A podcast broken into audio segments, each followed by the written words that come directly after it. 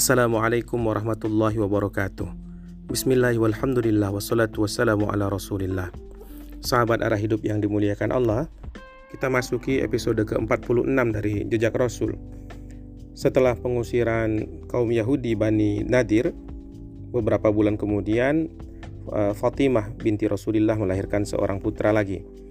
Nabi sangat menyukai nama Hasan yang diberikannya kepada putra pertama Ali dan Fatimah maka beliau menamakan adiknya ini dengan nama yang semakna tapi dengan tasgir yakni Hussein artinya si Hasan kecil atau anak baik yang kecil. Ini menjadi penambah kegembiraan di tengah-tengah keluarga Nabi. Namun demikian sudah menjadi ketentuan dari Allah Subhanahu wa taala bahwa ada kelahiran dan ada pula kematian. Pada saat yang hampir sama, istri Rasulullah ini Zainab, sang ibu kaum miskin, eh, jatuh sakit dan akhirnya wafat. Memang singkat sekali waktu kebersamaan beliau dengan Rasulullah Sallallahu Alaihi Wasallam. Eh, rumah tangga ini hanya berjalan 8 bulan sampai wafatnya Zainab radhiyallahu taala anha. Rasulullah SAW kemudian menyelenggarakan jenazah, menyolati kekasihnya tersebut dan kemudian menguburkan beliau di Baqi, tidak jauh dari kuburan putri Nabi yakni Ruqayyah. Bulan berikutnya pula, eh, sepupu Nabi Abu Salamah meninggal akibat luka yang dideritanya sejak perang Uhud. Namun beliau beruntung karena pada detik-detik akhir kehidupannya beliau didampingi oleh Rasulullah SAW. Nabi berdoa untuk Abu Salamah bahkan Nabi pula yang eh, menutupkan matanya ketika ia menghembuskan nafas terakhir. Abu Salamah dan istrinya adalah pasangan yang sangat serasi, sangat harmonis. Tapi sebelum menikah, eh, dia pernah berjanji dengan sang istri. Perjanjiannya itu isinya begini: kalau Ummu Salamah yang meninggal lebih dahulu, maka Abu Salamah berjanji dia tidak akan menikah lagi.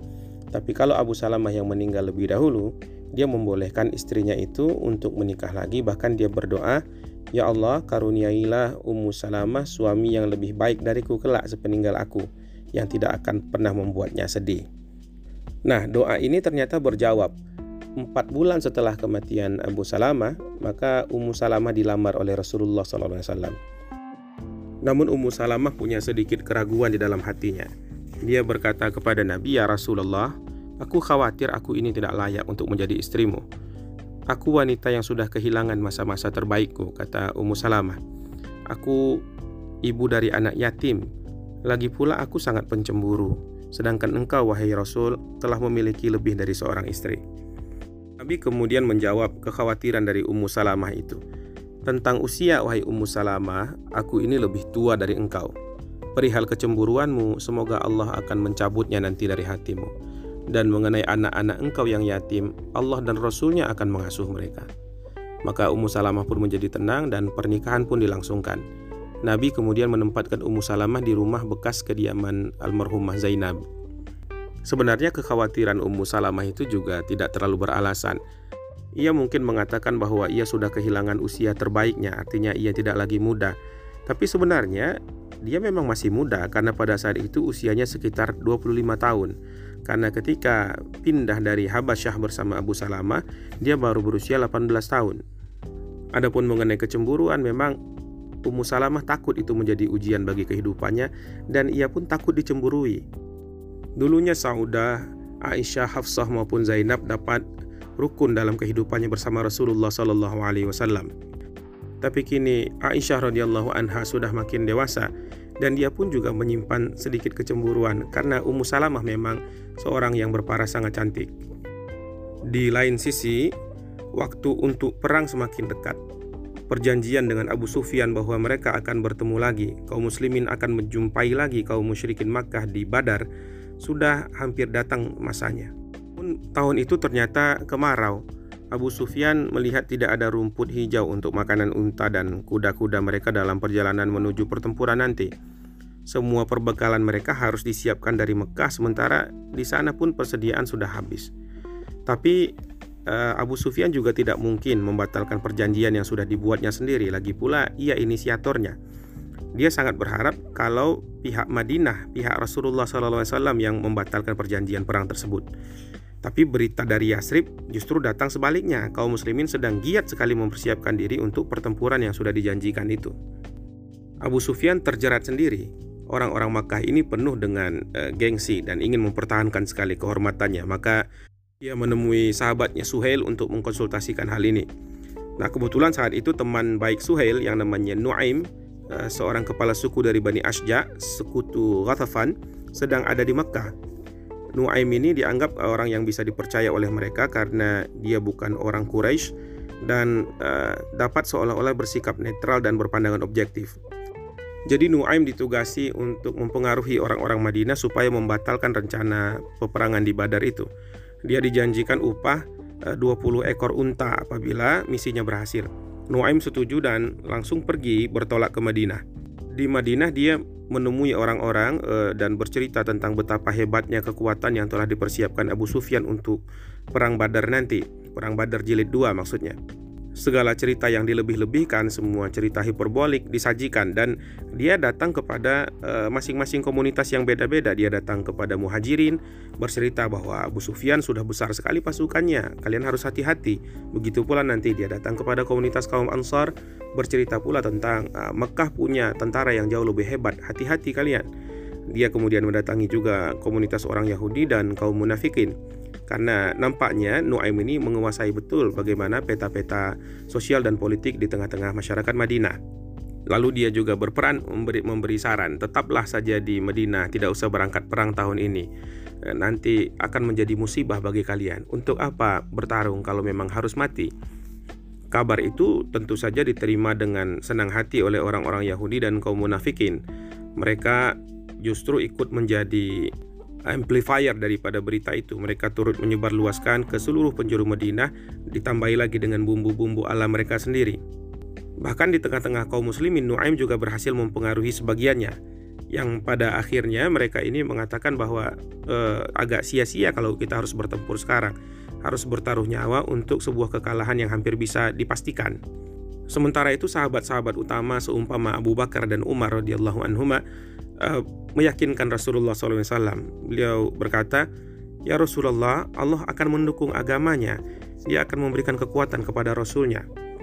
Rasul pun juga berprinsip sama. Kata beliau, aku tetap akan berjuang sekalipun aku harus berangkat sendiri.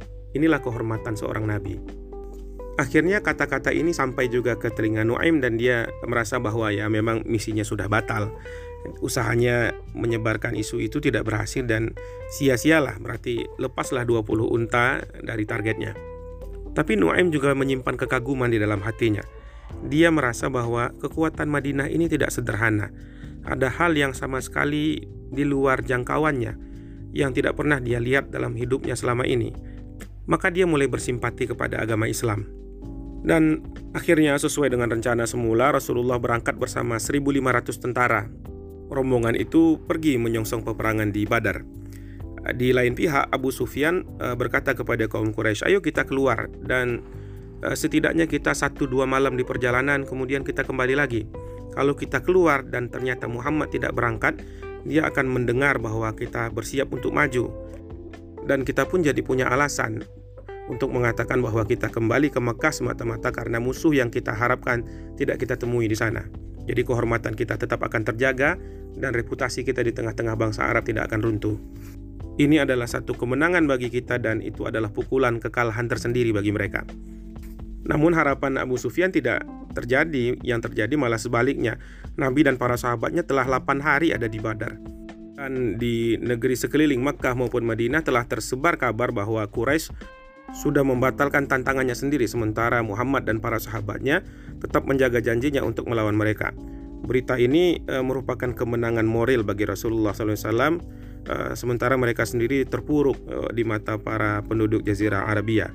Ini orang-orang di Makkah pun saling menyalahkan dan tertuduh utamanya tentunya Abu Sufyan. Kenapa dia berinisiatif pula untuk membuat janji perang yang tidak mampu mereka tepati itu? Tapi hasrat berperang sebenarnya masih ada di kalangan orang Quraisy bahkan semakin besar, semakin bergelora. Kali ini mereka membatalkan semata-mata karena sumber daya tidak memungkinkan saja. Namun yang kebencian di dalam hati mereka terhadap agamanya Nabi Shallallahu Alaihi Wasallam tetap membakar di dalam dada mereka masing-masing. Sekembalinya dari perang Badar yang batal itu, Nabi dan para sahabatnya akhirnya merasakan juga jeda untuk damai. Tidak ada perang untuk sementara waktu.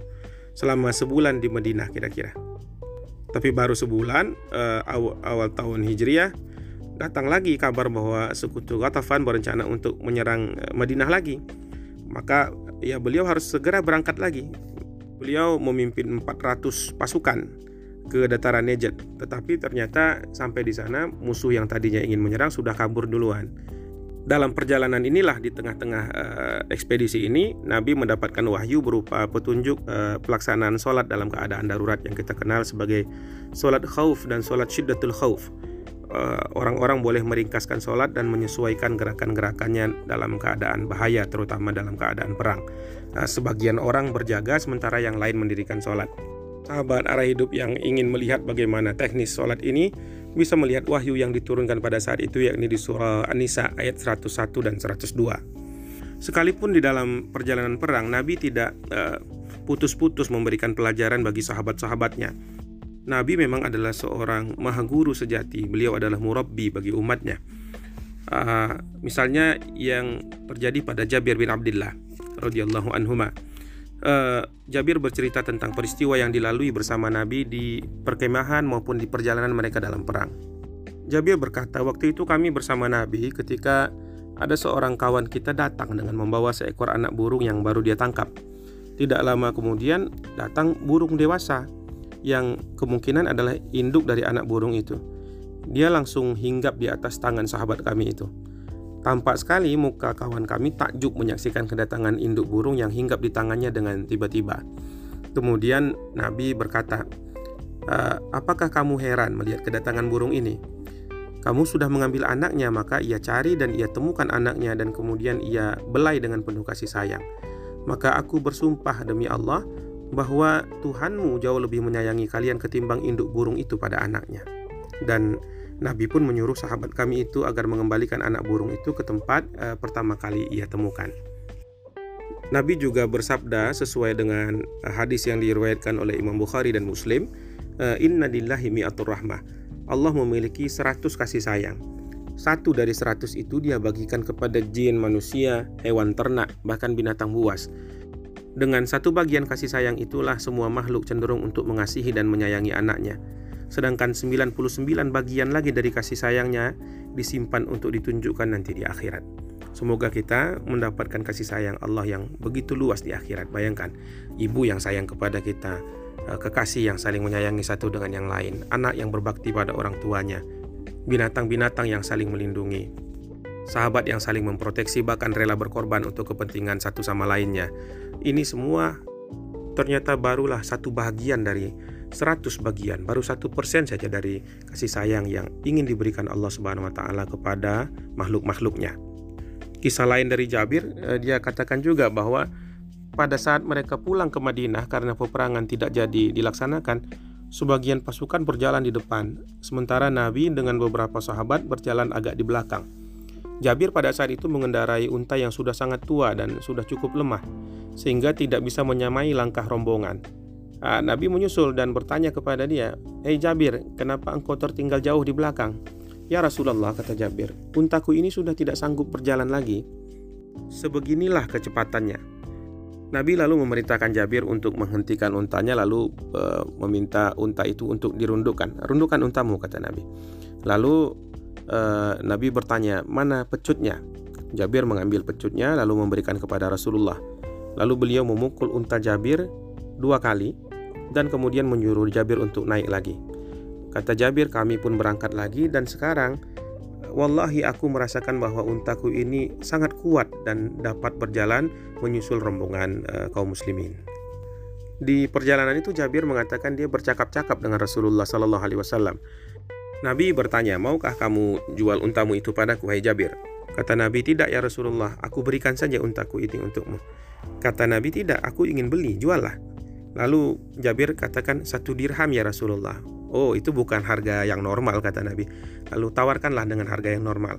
Akhirnya tawar menawar terjadi. Dicapailah harga 40 dirham. 40 dirham kalau kita konversi sekarang kira-kira satu ons emas. Dan Jabir pun setuju. Lalu Nabi bertanya lagi, kau sudah menikah wahai Jabir? E, kata Jabir, sudah ya Rasulullah. Dengan seorang janda atau perawan kata Rasulullah. Dengan seorang janda jawab Jabir. Mengapa engkau tidak menikah dengan seorang perawan sehingga engkau bisa bersenang-senang dengannya dan ia pun bisa bersenang-senang dengan engkau? Jawab Jabir, "Ya Rasulullah, engkau ketahui sendiri bahwa ayahku telah syahid di dalam perang dan dia meninggalkan tujuh anak perempuan. Adik-adikku ini butuh kasih sayang, maka aku mencari seorang wanita yang keibuan ya Rasulullah agar dapat tinggal bersama mereka dan ikut mengayomi pula mereka." Lalu Nabi katakan, "Kalau begitu keputusanmu sudah tepat wahai Jabir." Perjalanan pun berlangsung sampailah rombongan uh, di daerah yang namanya Sirar uh, sekitar 3-4 kilo dari Madinah. Beliau mengatakan uh, kita akan berkorban beberapa ekor unta dan akan berhenti beberapa hari. Beliau juga mengatakan Jabir istrimu pasti senang kita kembali pulang. Dia akan siapkan tempat tidurmu, dia akan bersihkan bantal-bantal dari debu wahai Jabir. Jabir lalu malu-malu mengatakan kepada Rasulullah, "Ya Rasulullah, kami ini miskin sekali. Kami tidak punya bantal ya Rasulullah. Nah, kata Nabi tenang saja nanti kau akan punya juga. Pokoknya setelah engkau sampai di rumah nanti di Medina, kita selenggarakan transaksi yang tadi sudah kita sepakati, yakni jual beli unta itu. Nah, keesokan hari setelah sampai di Medina, Jabir pun segera datang ke rumah Rasulullah SAW. Dia katakan, kau bawa unta tuaku ke depan pintu rumah Nabi. Lalu Nabi keluar dan menyuruh aku meninggalkan unta itu dan kemudian eh, sholat bersama beliau dua rakaat di masjid. Nabi kemudian menyuruh Bilal menimbang satu ons emas untuk membayar untaku. Lalu setelah diberikan uh, emas itu sebagai bayaran bagi unta itu kepada Jabir, Nabi berkata lagi, Jabir, ambil unta. Unta itu sekarang jadi milik engkau, adapun emasnya manfaatkan untuk memperbaiki kehidupanmu. Begitulah Nabi dengan penuh kasih sayangnya kepada semua sahabat memperhatikan kehidupan mereka, berempati kepada kesusahan yang mereka alami, e, memotivasi mereka agar kuat dalam menjalani cobaan-cobaan dalam kehidupan bahkan e, tidak jarang juga Nabi langsung turun tangan untuk menyelesaikan masalah yang diderita oleh para sahabat tersebut. Allahumma sholli ala Muhammad wa ala ali Muhammad. Nah, selama beberapa tahun Nabi di Madinah, Salman yang kita ceritakan, seorang Persia yang sudah ke sana kemari mencari hidayah, lalu akhirnya masuk Islam di hadapan Rasulullah, belum sempat lagi bergabung dengan Nabi dan kaum muslimin. Kita ketahui bahwa Salman masih berstatus budak ketika dia dijual ke uh, Yahudi Bani Quraidah dan di sana dia diberikan pekerjaan-pekerjaan yang sangat berat dan menyita waktu di perkebunan kurma. Sehingga dia tidak dapat punya hubungan yang intens dengan umat muslim yang lain dia tidak bisa ikut dalam perang Badar dan perang Uhud dan apa pun pertempuran lain besar atau kecil baik Ghazwah yakni perang-perang yang dipimpin langsung oleh Rasulullah maupun syariah ekspedisi-ekspedisi militer yang tidak melibatkan Nabi di dalamnya. Sementara Salman rindu sekali untuk uh, bergabung bersama komunitas seimannya itu. Lalu Nabi pergi mengadukan ini kepada Rasulullah. Nabi bertanya, "Wahai Salman, kalau engkau harus bebas, berapa tebusannya?" Kata Salman, Mahal sekali ya Rasulullah, jauh di atas kemampuanku. Berapa itu kata Nabi? Majikanku mensyaratkan membayar 40 ons emas dan menanam 300 batang pohon kurma. Kata Nabi, kalau begitu kau sanggupi sajalah. Tulis surat persetujuan segera kepada majikanmu untuk membayar emas dan pohon kurma itu kepadanya. Lalu Nabi pun uh, mengumpulkan para sahabat untuk patungan. Di antara mereka ada yang menyumbang pohon kurma 30 pohon, ada yang 20 sehingga eh, terkumpullah jumlah yang diminta itu yakni 300 batang pohon. Kata Rasulullah kepada Salman, "Kau gali di sana wahai Salman, setelah itu kabarkan kemari karena aku yang akan menanamnya sendiri." Para sahabat kemudian membantu Salman untuk menyiapkan lahan sedangkan Nabi menanam tiap-tiap tunas dari 300 pohon kurma itu sampai semuanya segera berakar dan tumbuh subur. Adapun sisa tebusan berupa emas Salman mendapat sumbangan dari seorang sahabat yang merupakan penambang. Dia berikan satu bongkah emas uh, sebesar telur kecil kepada Nabi Shallallahu Alaihi Wasallam. Nabi kemudian berikan emas itu kepada Salman. Kata Nabi, ini emas untuk engkau lunasilah apa-apa yang tersisa dari tebusanmu kepada sang majikan sehingga engkau bisa segera bebas. Namun Salman sempat ragu karena melihat emas itu agak terlalu kecil bila berbanding dengan apa yang disyaratkan oleh uh, tuannya. Maka dia bertanya kepada Rasulullah, "Ya Rasulullah, cukupkah hal ini? Akankah berat bongkahan emas ini sampai mencukupi syarat yang diberikan oleh majikanku?" Lalu Nabi mengatakan, "Tenang saja. diambil oleh Rasulullah emas itu dan dimasukkan ke dalam mulut beliau lalu e, diputar-putar di dalam mulut beliau itu kemudian Nabi mengeluarkan kembali dari dalam mulutnya dan memberikan kepada Salman ambillah dan bayarlah tebusanmu dengan ini kata Nabi. Ketika Salman menyerahkan emas itu kepada majikannya setelah ditimbang maka berat emas itu persis seperti apa yang disyaratkan untuk kebebasannya. Maka Salman pun sekarang menjadi orang yang merdeka. Pada waktu yang tidak jauh dari kejadian-kejadian ini ada pula kalanya Nabi memimpin seribu orang bergerak ke arah utara sekitar lebih dari 500 kilo menuju satu tempat bernama Daumatul Jandal, sebuah oasis di Syria. Tempat itu sedang diduduki oleh kawanan perampok yang kebanyakan berasal dari Bani Kalab. Para perampok ini tidak sekedar merampas kebutuhan-kebutuhan pokok, tepung, minyak, dan lain-lainnya di sepanjang jalan menuju Madinah, tapi dia juga uh, berniat mengadakan satu perjanjian dengan kaum Quraisy bahwa kalau-kalau ada serangan gencar dari kaum muslimin, mereka akan tutup itu jalan dari arah utara.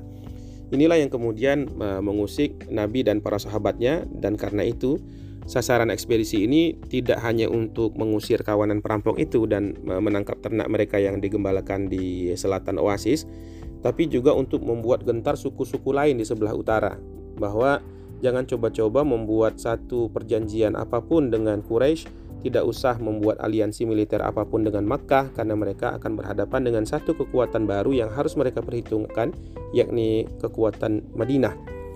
Memang bertahun-tahun dahulu mereka bisa saja menganggap Yasrib sebelah mata karena Yasrib pada saat itu dirundung civil war, perpecahan sipil antara Aus dan Khazraj sehingga akan mudah sekali diserang dari luar. Tapi sekarang perpecahan itu sudah hilang, bahkan berganti dengan sebuah persatuan yang amat sangat kuat. Mereka bisa memobilisir pasukan yang besar dalam waktu yang sangat cepat dengan range jangkauan yang cukup jauh dan e, kecepatan yang membuat orang-orang di Arabia itu kagum. Kondisi ini sangat mengkhawatirkan karena penyerangan bagaimanapun adalah e, defense yang paling baik. Kalau persatuan itu adalah image yang tercipta di luar, maka di dalam sebenarnya substansi persatuan kaum muslimin ini jauh lebih hebat daripada apa yang dapat diamat-amati oleh orang-orang luar itu.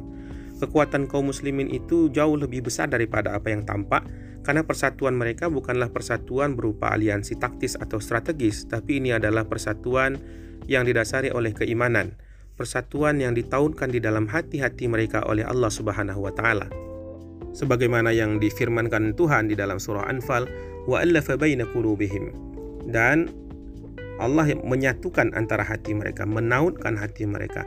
Lau anfaqta ma fil ardi jami'a ma allafta baina qulubihim dan itu adalah suatu yang mahal karena kalaupun engkau membelanjakan semua isi bumi untuk menautkan hati orang-orang itu kamu tidak akan dapat mempersatukan hati karena hati ini adalah gerak yang hanya dikuasai oleh Allah Subhanahu wa taala.